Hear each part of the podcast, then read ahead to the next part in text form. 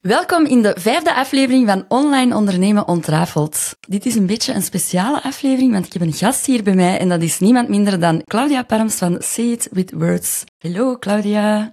Hallo. Claudia is marketing succesmentor en SEO-specialist. SEO, a.k.a. zichtbaarheid op Google. Daarnaast geeft ze ook nog digital advertising en marketing automation aan de Thomas More Hogeschool. Met haar business Say It With Words heeft ze in haar aanbod onder andere een online cursus Start met SEO. Ze heeft ook een SEO-actieplan, waarbij ze heel jouw website onder de loep neemt. En ze heeft ook nog verschillende gratis resources voor beginners. Alles wat te maken heeft met SEO. Als er iemand is die echt wel wat van SEO kent, wat ongetwijfeld ook deel moet uitmaken van uw online strategie, dan is het Claudia. You can do anything if you put your mind to it. No bullshit, no nonsense. Let's go, let's do this. Shine online. Hey Claudia, welkom in de Online Ondernemen Ontrafeld podcast. Ik ben super blij dat je hier bent. Um, ja, ik zei, al in, hoi. ik zei het al in de intro, SEO dat is onmisbaar in je online strategie als ondernemer. Maar wat is dan nu juist eigenlijk SEO? Waarvoor staat die afkorting juist? Kan jij dat al eens heel kort vertellen? Ik kan dat zeker. Dus SEO, dat is eigenlijk een afkorting. Dat staat voor Search Engine Optimization en in het Nederlands betekent dat zoekmachine-optimalisatie. Uh, en dat gaat er eigenlijk om dat je je website zodanig gaat optimaliseren dat je aan de knopjes gaat draaien om ervoor te zorgen dat je website altijd op pagina 1 staat als je ideale klant op zoek is naar een oplossing die dat jij aanbiedt. Aha. Dat klinkt echt helemaal geweldig als ik dat zo hoor. En uh, wat gebeurt er eigenlijk als je daar helemaal niks mee doet met die SEO? Wel, dat klinkt een beetje pijnlijk, maar als je niet vindbaar bent in Google, bestaat je vandaag eigenlijk niet in de ogen van je ideale klant. Want ik heb het onlangs nog eens opgezocht voor de een of andere reden. 70% ehm, van alle aankoopbeslissingen bevindt dat plaats op Google. Zijn mensen iets aan het zoeken? En ik denk, ja, zelfs 100% van de aankoopbeslissingen gaan wel op de een of andere manier met Google te maken hebben. Dus zo belangrijk is het.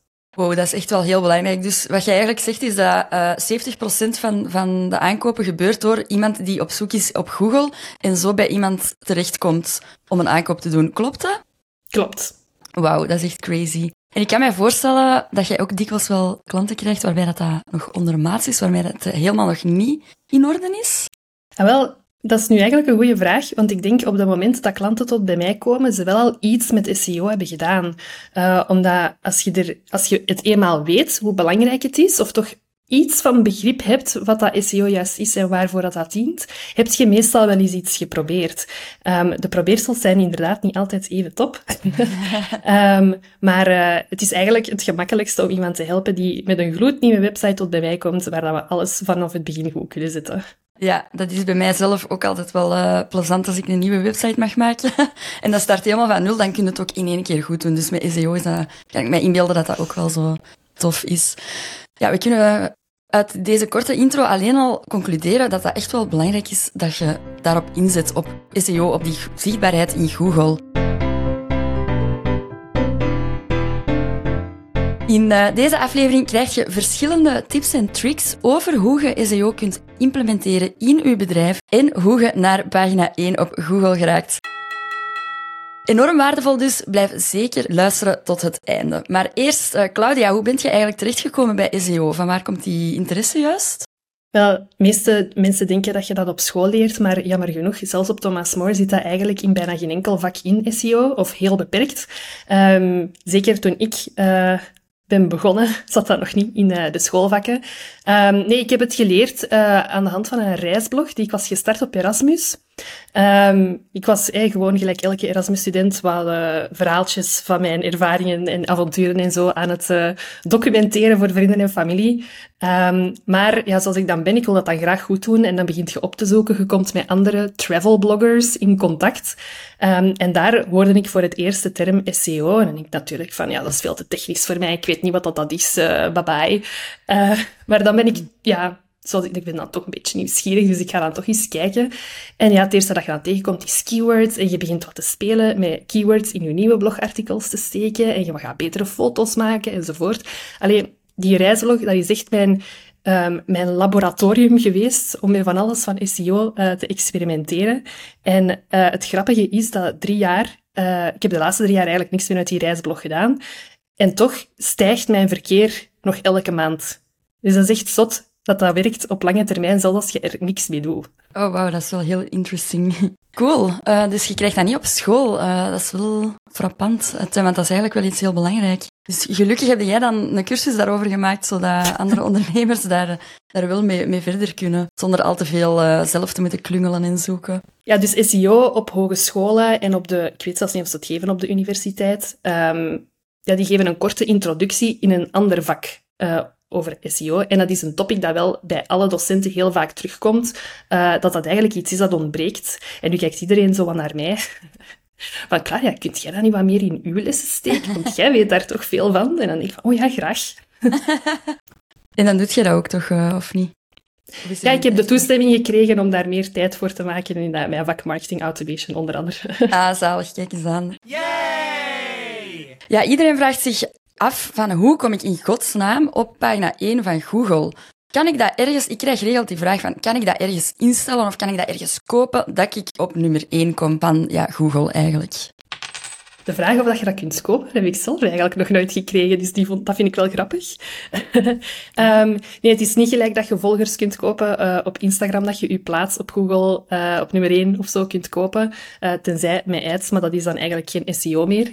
Um, dus ja, het is gewoon door op bepaalde parameters in te spelen um, dat Google ja, gaat bepalen welke pagina's het beste antwoord geven op een bepaalde vraag. Dus dat is eigenlijk het voordeel. Je kunt dat niet kopen. Het is gewoon echt zelf dingen gaan optimaliseren op je website, um, zodat je aan die parameters van Google gaat voldoen. Ja, we gaan daar direct nog over uh, praten, over die verschillende uh, zaken die je kunt doen om te optimaliseren. Maar ik vind dat ik krijg dikwijls, als ik een website heb gemaakt voor een klant en ik doe daar dan basis SEO-instellingen in wel, en dan vragen die, ja, ik wil graag op Google zo van voor zo'n hoofdtitel en dan wil ik dat en dat en dat als ondertiteltje en zo daar allemaal onder hebben.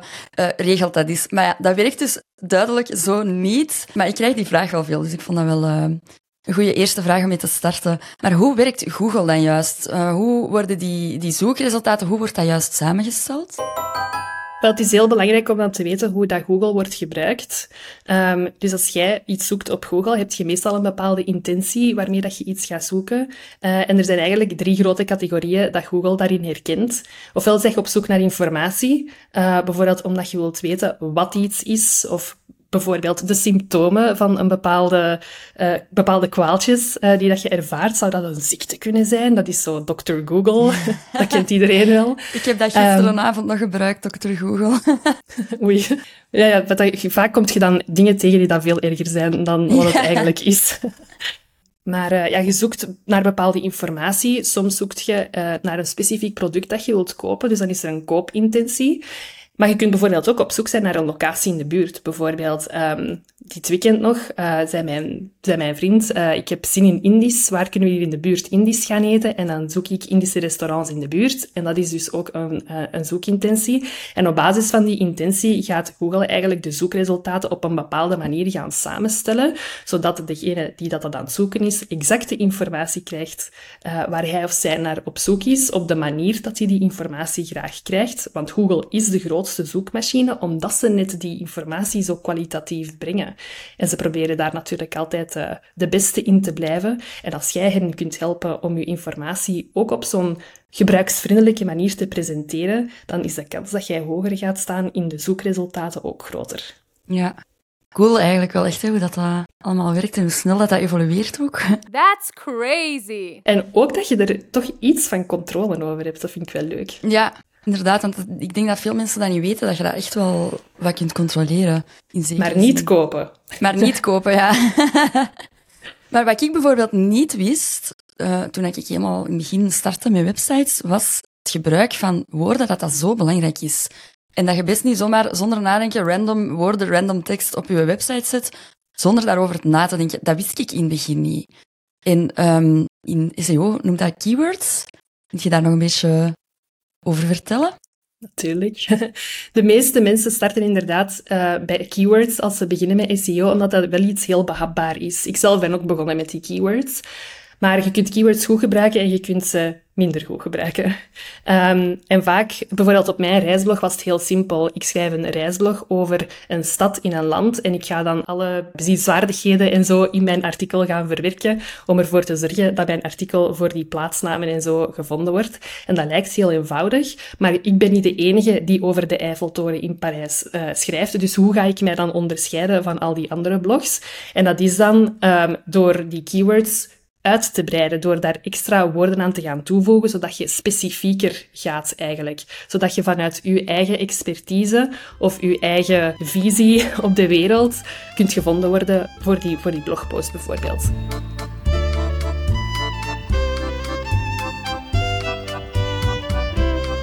En hoeveel van die keywords mogen dan zo op één pagina gebruiken? Er is altijd eigenlijk één onderwerp voor een pagina. Een pagina gaat altijd over één onderwerp en dus er ook altijd één hoofdkeyword. Of dat is toch altijd hoe ik het aanleer uh, als mensen tot bij mij komen. Elke pagina heeft één hoofdkeyword en dan gaat je keyword variaties daarop gaan gebruiken in je pagina. Dat creëert een context. Nu ben ik zo'n beetje theoretisch aan het gaan. Um, maar dat gaat eigenlijk aan het algoritme vertellen waar uw pagina over gaat. Die gaan op zoek gaan naar woorden die te maken hebben met dat hoofdkeyword, dat bijvoorbeeld in de titel staat. Uh, en dan gaan die bewijs zoeken in de tekst dat dat effectief over dat onderwerp gaat. Um, en het is doordat het, de, het algoritme weet, of de crawler is de correcte term, um, waar uw pagina over gaat, dat ze dat ook mee gaan opnemen in hun calculaties om te bepalen welke pagina nu de meest relevante is. Oké, oké, cool.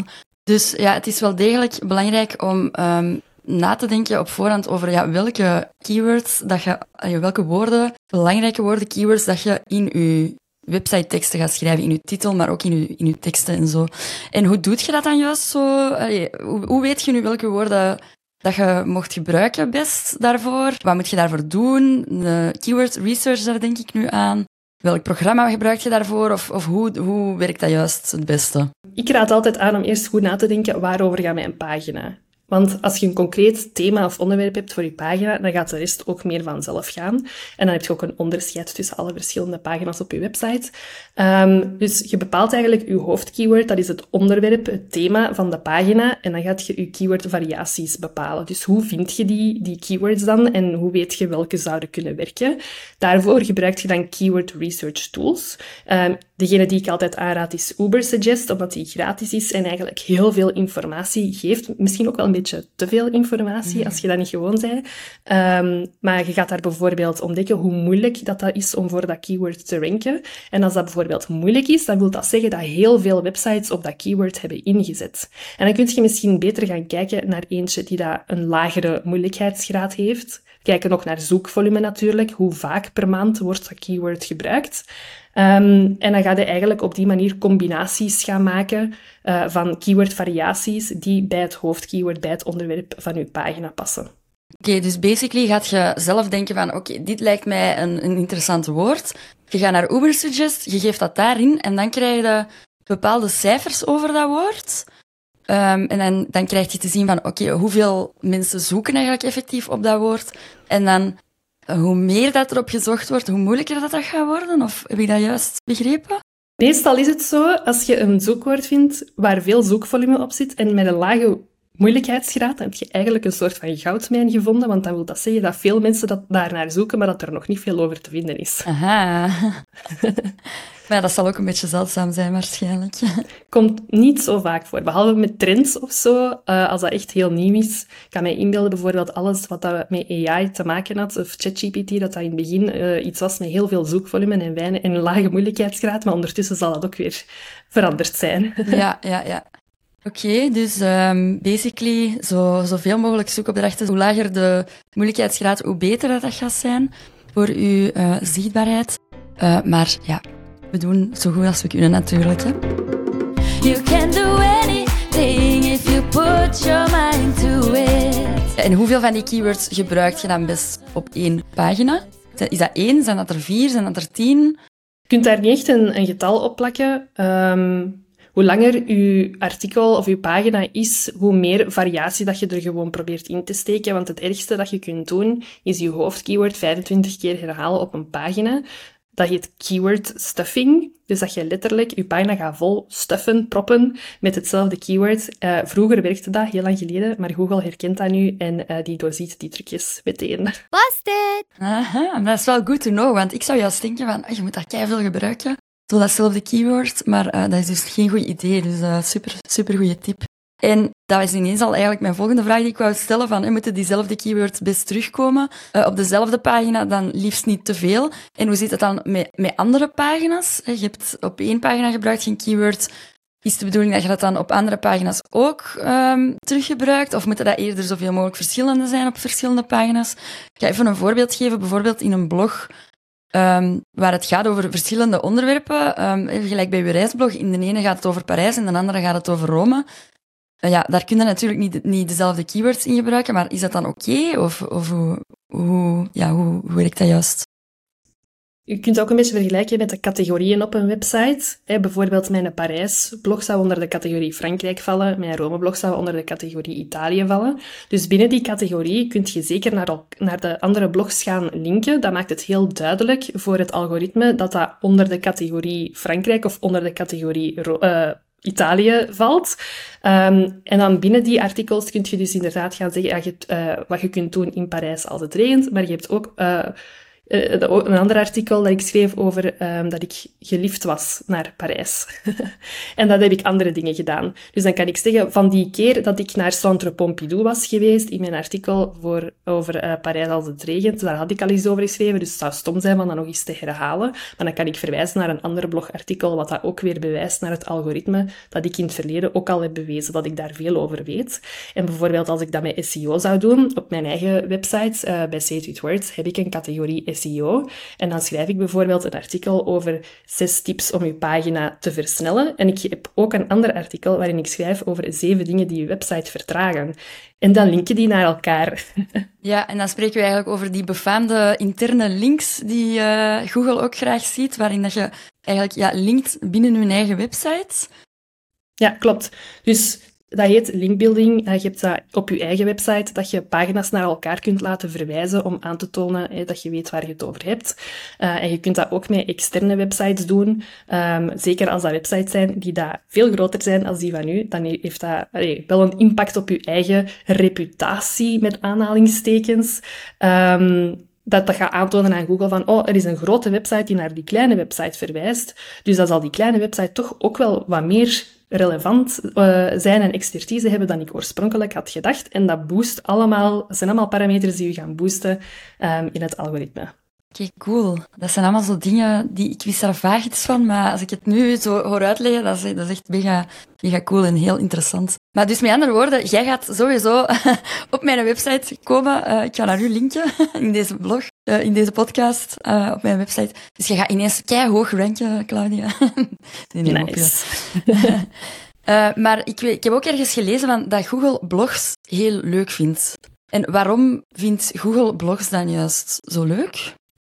Google vindt blogs leuk omdat je met blogs heel veel richtingen kunt uitgaan. Je vaste pagina's op je website, daar verandert meestal niet zo heel veel aan. Hè. Je homepagina is je homepagina, je aanbodpagina.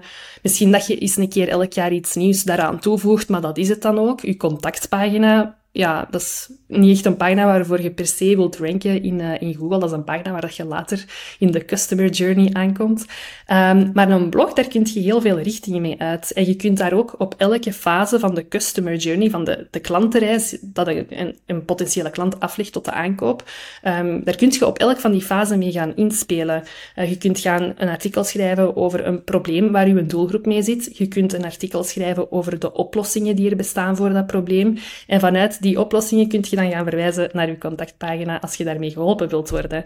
Um, en doordat je dus heel goed die keyword-variaties in die blogartikels kunt gaan verwerken, ga je eigenlijk een hele sterke case gaan voorleggen. Stel dat het Google-algoritme um, een soort van misverkiezing was, dan heb jij in elk geval heel goede um, uh, cijfers die je kunt voorleggen om aan te tonen waarom dat jij het verdient om uh, in de top 10 van die misverkiezing te zitten. Ja, ja, ja. Ik moet ook een beetje denken aan, aan, uh, aan een rechter of zo. Zo de judge Google. Ja. Die, die gaat beslissen van, ah ja, is uw case sterk genoeg? Ja, oké, jij mocht wat meer naar voren komen zitten. Dat wou ik eerst ook zeggen, maar dat lijkt dat precies alsof je afgestraft wordt. Maar eigenlijk is dat ook wel zo, want als je foute dingen doet, of je uh, doet aan keyword stuffing bijvoorbeeld, dan gaat je inderdaad ook veroordeeld worden door Judge Google. ah, ik zie die al zitten met zo'n heel uh, kostuum en zo, zo'n pakje met zo'n ja. met zo'n pruik. Order in the courtroom. Right. Stel, je hebt een blog en je gebruikt daarvoor categorieën. Hè, voor zij die dat nog niet, zo, nog niet hebben op hun website of zo, je kunt uh, werken met categorieën op je blog. Bijvoorbeeld, je hebt een categorie workshops, je hebt een categorie recepten. Zoals jij, Claudia, ook had een categorie Frankrijk, uh, ja, Frankrijk, een categorie uh, Italië en zo verder. Is het dan aan te raden om die twee woorden op zich, dat je, je, hebt, je hebt echt de benaming gegeven aan die categorieën, workshops, recepten, is het dan aan te raden om die twee woorden op zich ook nog als keyword te gebruiken? Of is dat dan niet meer nodig, omdat dat al zo als categorie genoemd is? En hetzelfde met tags. Je kunt ook tags toevoegen. Als je dat al als tag hebt toegevoegd, moet je dat dan ook nog instellen als extra als keyword? Of beter niet, of beter wel, of maakt dat niet veel uit? Ik zal eerst op de vraag over de categorieën antwoorden. Ja, bijvoorbeeld, ik zei daarnet ook, uh, we hebben het gehad over Frankrijk en Italië, of op mijn eigen uh, website uh, over, over SEO bijvoorbeeld. Natuurlijk komen die woorden ook nog terug op de pagina zelf, maar opnieuw, je gaat daar keywordvariaties aan toevoegen. Dus um, Parijs ligt in Frankrijk, dus uiteraard zal het woord Frankrijk ook wel eens gebruikt worden, maar niet gewoon het woord Frankrijk, dat wordt dan een langer keyword. Bijvoorbeeld, in, of, of je gebruikt dat in een zin, bij een reis in Frankrijk mag een bezoek aan niet ontbreken, dat je daar zo wat mee gaat, gaat spelen. Hetzelfde ook met workshops bijvoorbeeld. Ja, uw artikel of uw, of uw onderliggende pagina's gaan gaan over bepaalde soorten workshops. Een online workshop, een offline workshop, uh, een live workshop, een um, SEO-workshop. Je gaat dat meer specifieker gaan maken. Dus dat woord workshop zit erin, maar het wordt specifieker. En dat is dan een beetje hoe, hoe dat je dat moet bekijken op die manier. Dat gaat meestal wel heel natuurlijk gaan, omdat dat echt een heel kort woord is. En tags ik raad altijd mijn klanten aan, als je niet weet hoe tags werken, gebruik je ze best niet. Want dat is zoiets klein waar dat je heel veel mee kunt fout doen, als je daar geen goede strategie voor hebt. Um, dus wat ik meestal zeg bij mensen met een WordPress-website bijvoorbeeld, is van, als je een tag gebruikt op een WordPress-website, creëert dat ook een pagina. Van dat gewoon uit te zetten, want dan kun je ook niks fout doen. Oké. Okay. Um, ik heb gelijk dat je ook categoriepagina's hebt, want die komen dan, worden geïndexeerd als je dat niet uitzet. En ja, dat kan invloed hebben op je score in Google. Uh, maar bijvoorbeeld, hoe ik dat deed op mijn reislog, daar had ik daar een heel duidelijke strategie voor. Mijn categorie was mijn land en mijn tag was mijn stad. En als je daar dan mee gaat beginnen spelen, dan gaat dat een heel duidelijke site-architectuur, een structuur gaan doorgeven aan dat algoritme, zodat die, als je website een metrostelsel was, dat die heel gemakkelijk de connecties zien tussen alle verschillende stationnetjes. Uh, ja, nu dat we toch bezig zijn over het instellen der keywords, wat is er eigenlijk technisch absoluut nodig om ervoor te zorgen dat uw website in de Google resultaten komt?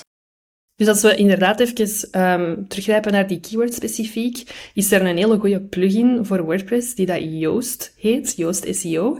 Uh, en daar kun je eigenlijk gaan kijken of dat je je keywords goed hebt toegepast.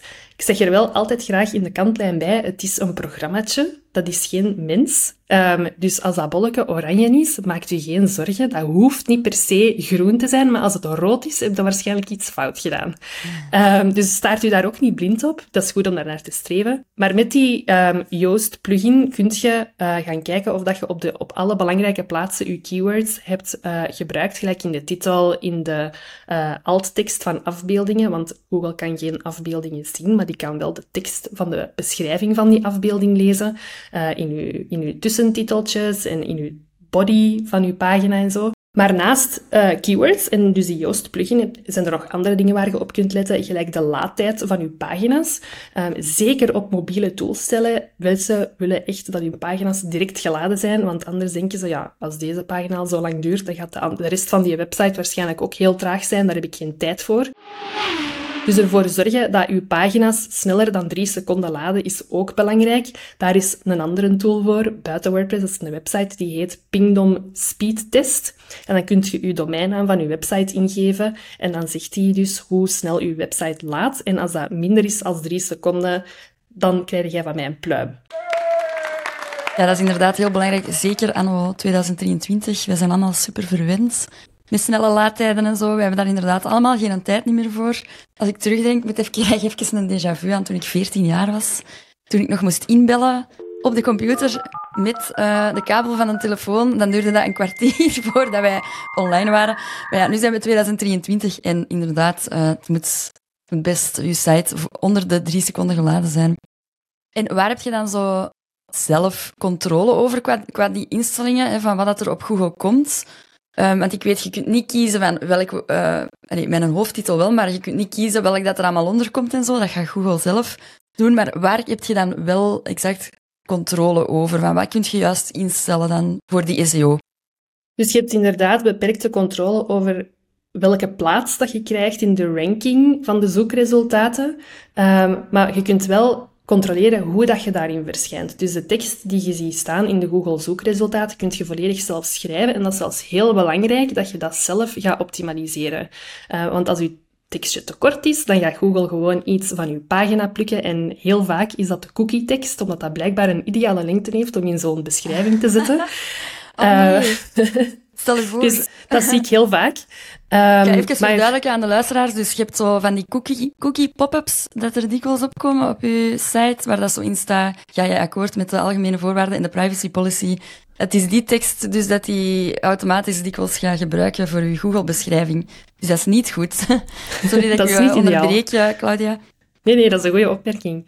Um, dus de tekst die in Google verschijnt, heet de metatekst. Dat is een meta, omdat dat tekst is die je niet ziet op de website zelf, maar die, dus, dat is de tekst die dat je, je pagina beschrijft in de zoekresultaten. En dat heeft altijd, je ziet in die metatekst altijd een aantal elementen terugkomen. Onder andere uh, de, de titel, dat is die blauwe tekst waar je op kunt klikken. Daar is het belangrijk dat je hoofdkeyword van je pagina altijd van voor in die zin staat, of toch liefst zoveel mogelijk van voor, zodat dat nooit zou kunnen afgesneden worden als het te lang zou zijn. Um, dat heeft ook bepaalde lengtes, maar dankzij de Joost plugin weet je exact hoe lang je titel mag zijn. En ook ja. de beschrijving daaronder. De beschrijving gaat uh, een beschrijving geven van waar dat je pagina over gaat natuurlijk. Maar specifiek voor SEO is het ook daar belangrijk van je hoofdkeyword te herhalen. Daar mag dat wel. In het begin van je beschrijving, zodat dat nooit per ongeluk kan afgesneden worden. Um, en dan heb je natuurlijk je URL van je pagina, uh, waar mensen op klikken of naartoe gaan. Um, daar kan het hoofdkeyword zeker ook in terugkomen. En daar is het ook belangrijk dat je URL niet te lang wordt. Want zeker als we blogartikels schrijven, en eh, een titel kan soms 15 woorden hebben, als je heel ijverig bent. Maar dan wordt je URL te lang. En dan wordt het hoofdkeyword ook misschien afgesneden. Dus je kunt beter kijken, in, dankzij de Yoast-plugin kun je ook je URL gaan optimizen, gaan personaliseren, zodat vooral het hoofdkeyword erin zit. Ja. Um, dus ik denk dat dat zo wat de belangrijkste elementjes zijn uh, voor de metatekst om te optimaliseren. En dat kan dus allemaal met die Yoast plugin en die is gratis, dus dat is echt top. Ja, die is gratis. En ik heb daar ook al op gevloekt, zo, want ik wil dan, inderdaad, dat mag dan maar x aantal woorden lang zijn, maar het mag ook niet te kort zijn. Dus dan, soms heb ik zo'n beschrijving in mijn hoofd en dan, dan typ ik dat daarin en dan, dan is dat balkje oranje, want dan is dat niet lang genoeg. En dan wordt dat rood, want dan is dat te lang. Dus dat is zo wel even zoeken soms om, om dat toch nog in een deftige zin te krijgen. Maar dat dat wel ook exact lang genoeg is. Maar super duidelijk met, met Joost SEO, met die plugin inderdaad op WordPress, kun je dat allemaal super goed controleren. En inderdaad, hetgeen dat jij hebt gezegd, ik zeg dat tegen, tegen mijn klanten ook altijd, die zelf hun website zijn aan het maken, die aan de hand van uw masterclass, die uh, in mijn cursus zit, super trouwens, daar, aan de hand daarvan dat zij SEO zijn aan het instellen, dan zeg ik ook altijd tegen van, kijk, je gaat dat nooit allemaal op groen krijgen, die bolletjes, want je krijgt dan zo suggesties. En sommige hebben dan rood, oranje en groen. En als het groen is, dan wil het zeggen van oké, dat is in orde qua SEO. Oranje, dat is dan voor verbetering vatbaar. En rood van oei oei, ja, dat is nog niet goed, dat moet je aanpassen. Maar ik zeg ook altijd van, ja, je, je gaat dat nooit allemaal op groen krijgen. Dat is gewoon impossible. Dus uh, ik ben ook blij dat je, dat, dat je daar ook er juist nog even hebt gezegd dat dat oké okay is. Want, ja, ik krijg ook... Ik krijg vaak de vraag, sorry dat ik u onderbreek deze keer. Ja. Uh, ik krijg vaak uh, de vraag, bijvoorbeeld als het, hetzelfde, het, je hebt die gekleurde bolletjes en zo van alles, maar ook wat als het woord dat mensen zoeken een typfout bevat? Moet ik dan dat woord met het keyword gebruiken met de typfout in? En dan wordt het ja, dan moet je echt je SEO-brein even bovenhalen. Uh, of je marketeerbrein eigenlijk, want het gaat dan breder dan enkel de SEO. Want wat is er dan belangrijker? Uw vindbaarheid of de gebruiksvriendelijkheid? Uw professionele uitstraling of um, het feit dat je kunt gevonden worden door uw doelgroep. Mm. En op dat moment is het echt aan u om die afweging te maken. Op dat moment kan ik dat niet meer voor u doen, behalve als het over mijn eigen website gaat, uiteraard. Maar dan ga ik echt gewoon kijken naar die concrete situatie. Um, wat is er hier voor mij het belangrijkste? Mijn eigen blog bijvoorbeeld, natuurlijk zijn die blogs heel waardevol. Je vindt daar allerlei SEO-tips uh, die dat je direct kunt gaan toepassen. Maar ik heb heel duidelijk de intentie met mijn eigen blog dat ik gewoon gevonden wil worden in Google. Dus dat zou wel kunnen dat ik dan de het woord met de typfout ga gebruiken en op een andere plaats wel de correcte formulering ga gebruiken, omdat ik weet dat mijn doelgroep niet heel mijn blogartikels gaat lezen, of dat die kans is toch klein. Vanaf dat ze doorhebben dat ik weet waar ik het over heb, gaan ze sneller mijn cursus kopen. Um, en dan gaan ze daar gewoon mijn video's kijken. Dat vinden ze dan leuker. Um, dus bij mij is het echt ik wil gewoon gevonden worden. Dat is voor mij het belangrijkste. En, dat bedoel je juist met, met mijn typfout van dat, dat mensen uh, meer een woord fout schrijven dan juist schrijven en dat zo ingeven in Google? Dat kan effectief om een schrijffout gaan. Dat kan ook bijvoorbeeld gaan over het feit dat zoekmachine-optimalisatie eigenlijk één woord is, maar de meeste mensen schrijven dat in twee woorden en dus doe ik dat ook. Ja, ja, ja. Oké, oké, oké, oké. Makes sense. En, uh, en hoe lang duurt dat eigenlijk voordat je op Google komt? Als ik nu vandaag een website maak totaal onrealistisch, want het is onmogelijk om op één dag een website te maken. Maar stel, ik maak vandaag een website en ik heb keyword research gedaan en ik heb die woorden geïmplementeerd in mijn paginateksten en ik heb die instellingen gedaan in de achterkant in de Yoast SEO plugin. Wanneer ga ik daar dan resultaten van zien? Met een nieuwe website gaat dat wel even duren, omdat je je totaal nog niet bewezen hebt. Je kunt dat wel een beetje versnellen door je sitemap te publiceren in Google Search Console. Dat is al een beetje een vergevorderde stap. Um, maar meestal gebeurt dat niet en loopt dat gewoon vanzelf organisch uh, wel. Dus met een, nieuw, een, compleet nieuwe website, je gaat die wel al zien verschijnen in Google, maar die gaat heel laag ranken. omdat ik dus zei, je hebt jezelf nog niet, niet bewezen aan het algoritme. Dus dat gaat zeker een jaar duren voordat je kans maakt om op pagina 1 te staan, tenzij dat je echt in een niche zit en dat je heel specifieke keywords gaat gebruiken. Als je een bestaande pagina gaat optimaliseren, dan kan het tussen de 30 en de 90 dagen duren voordat je daar de eerste impact van gaat zien. Dus dat je gaat beginnen zien in bepaalde, ja, het zijn vaak betalende tools dat ik daar dan voor gebruik, maar als je zelf de zoekopdracht doet in een incognito venster, dan, uh, dan ga je dat ook wel zien, dan ga je beginnen klimmen boven je concurrenten komen te staan en je gaat elke zoveel weken uh, een beetje hoger staan. Uh, maar het is wel zo dat SEO echt een lange termijn strategie is. Um, dat gaat impact blijven hebben eens dat je dat geïmplementeerd hebt. Zoals ik daar straks vertelde over mijn reisblog. Ik heb daar drie jaar niks over op gedaan en ik heb de hoogste, het hoogste aantal verkeer ooit uh, op dit moment daarop. Dus ja, het duurt wel even, maar het is wel vaak blijvend, het resultaat. En dat vind ik er heel... Uh, dat geeft mij heel veel voldoening. Ja, kan ik me voorstellen. Maar ik vind dat ook wel belangrijk dat, dat de luisteraars dit horen, want dat duurt gewoon lang. Je moet daar echt geduld voor hebben. En sommigen denken dan van, oei, misschien heb ik iets verkeerd gedaan. Maar meestal is het gewoon een kwestie van ja, afwachten. Speaking of concurrenten, die hele grote reuzen, ik denk nu aan een bol.com of zo bijvoorbeeld, als je een webshop hebt.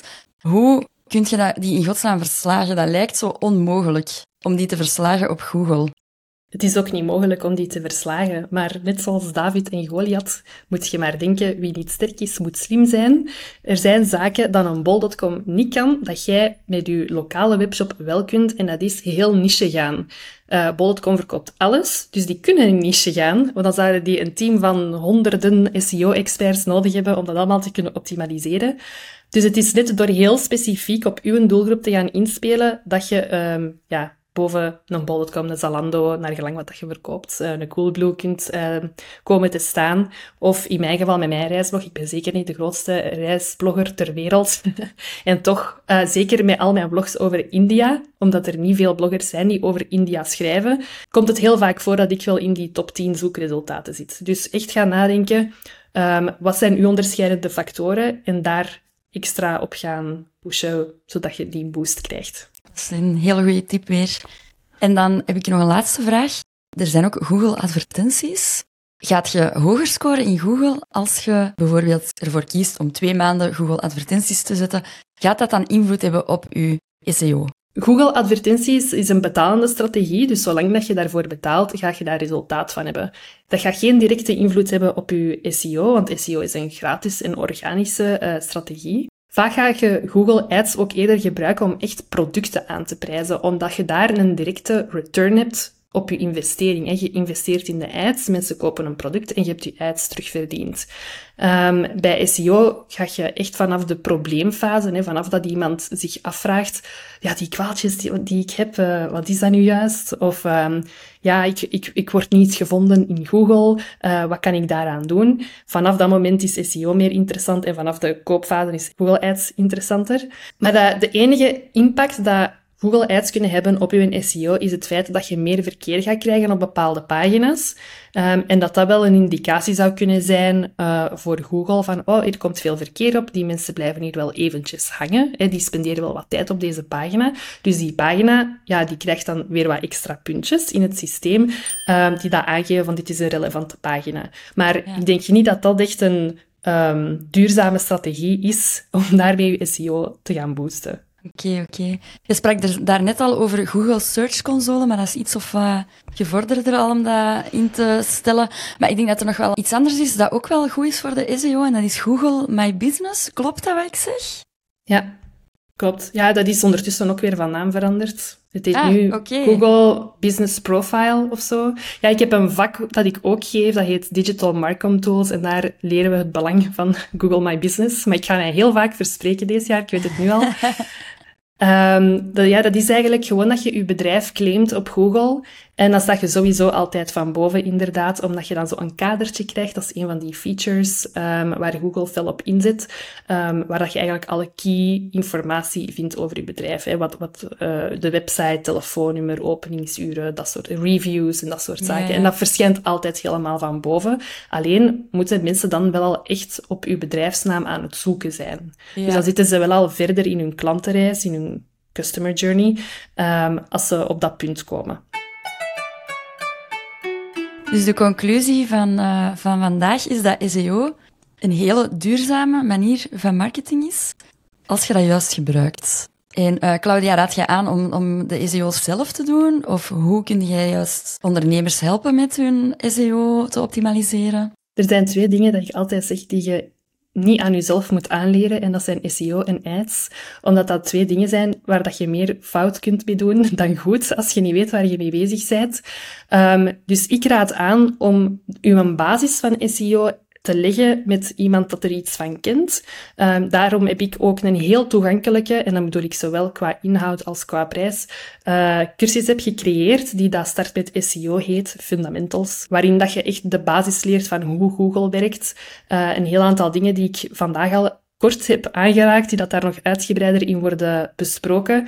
Ik geef daar heel veel voorbeelden in van hoe dat, dat voor verschillende types websites, webshops en zo zou kunnen worden toegepast. En er zit ook nog een extra module bij op het einde, waarin ik ook inga op die specialere features, uh, gelijk die mensen vragen ook uh, openklapbare dingetjes in Google. Ja, Hoe kun je daarvoor uh, verschijnen? Of voor andere kadertjes die dat zo van boven verschijnen. Ook voice search bijvoorbeeld komt aan bod. Um, hoe, hoe zorg je ervoor dat je website wordt vermeld als je aan Siri iets vraagt of aan Alexa of al die andere tools? Um, dus het is heel behapbaar wel, maar er zit wel ook heel veel in, met heel veel actietips, zodat je ook iets gaat doen met wat ik je aanleer, want dat vind ik altijd heel belangrijk. Het gaat niet gewoon om de kennis, het gaat ook om de actie. En dat, is wel, dat komt wel heel uh, concreet aan bod daarin. Amazing! Klinkt allemaal uh, super. Van onderaan in de show notes ga ik sowieso de link zetten daarnaar, uh, zodat je daar ook naar kunt navigeren. En uh, we gaan nog eventjes samenvatten wat er in deze aflevering allemaal aan bod is gekomen. Correct me if I'm wrong, hè, Claudia. Dus ik ga proberen zo goed mogelijk uh, samen te vatten wat wij vandaag allemaal hebben besproken. Beginnende met SEO, dat staat voor Search Engine Optimization. Ik zei het eerst verkeerd. ik had eerst opgeschreven Optimalization, maar dat is blijkbaar... Uh, niet zo juist. Of met andere woorden is dat de zoekmachine optimalisatie, a.k.a. zichtbaar worden in Google. Onze Hollandse vrienden die zeggen trouwens altijd SEO, terwijl dat wij echt de, de letters apart doen, SEO. Dus uh, dat is wel altijd wel grappig als ik dat hoor. En waarschijnlijk vinden die dat van ons ook grappig andersom. Um, het is een gratis en duurzame vorm van marketing SEO. Het is heel effectief op lange termijn als je het juist inzet. De zoekresultaten die worden samengesteld aan de hand van de zoekintentie. Ofwel ga je informatie opzoeken, ofwel ga je iets willen kopen, ofwel ga je iets zoeken in de buurt, ergens naartoe willen gaan.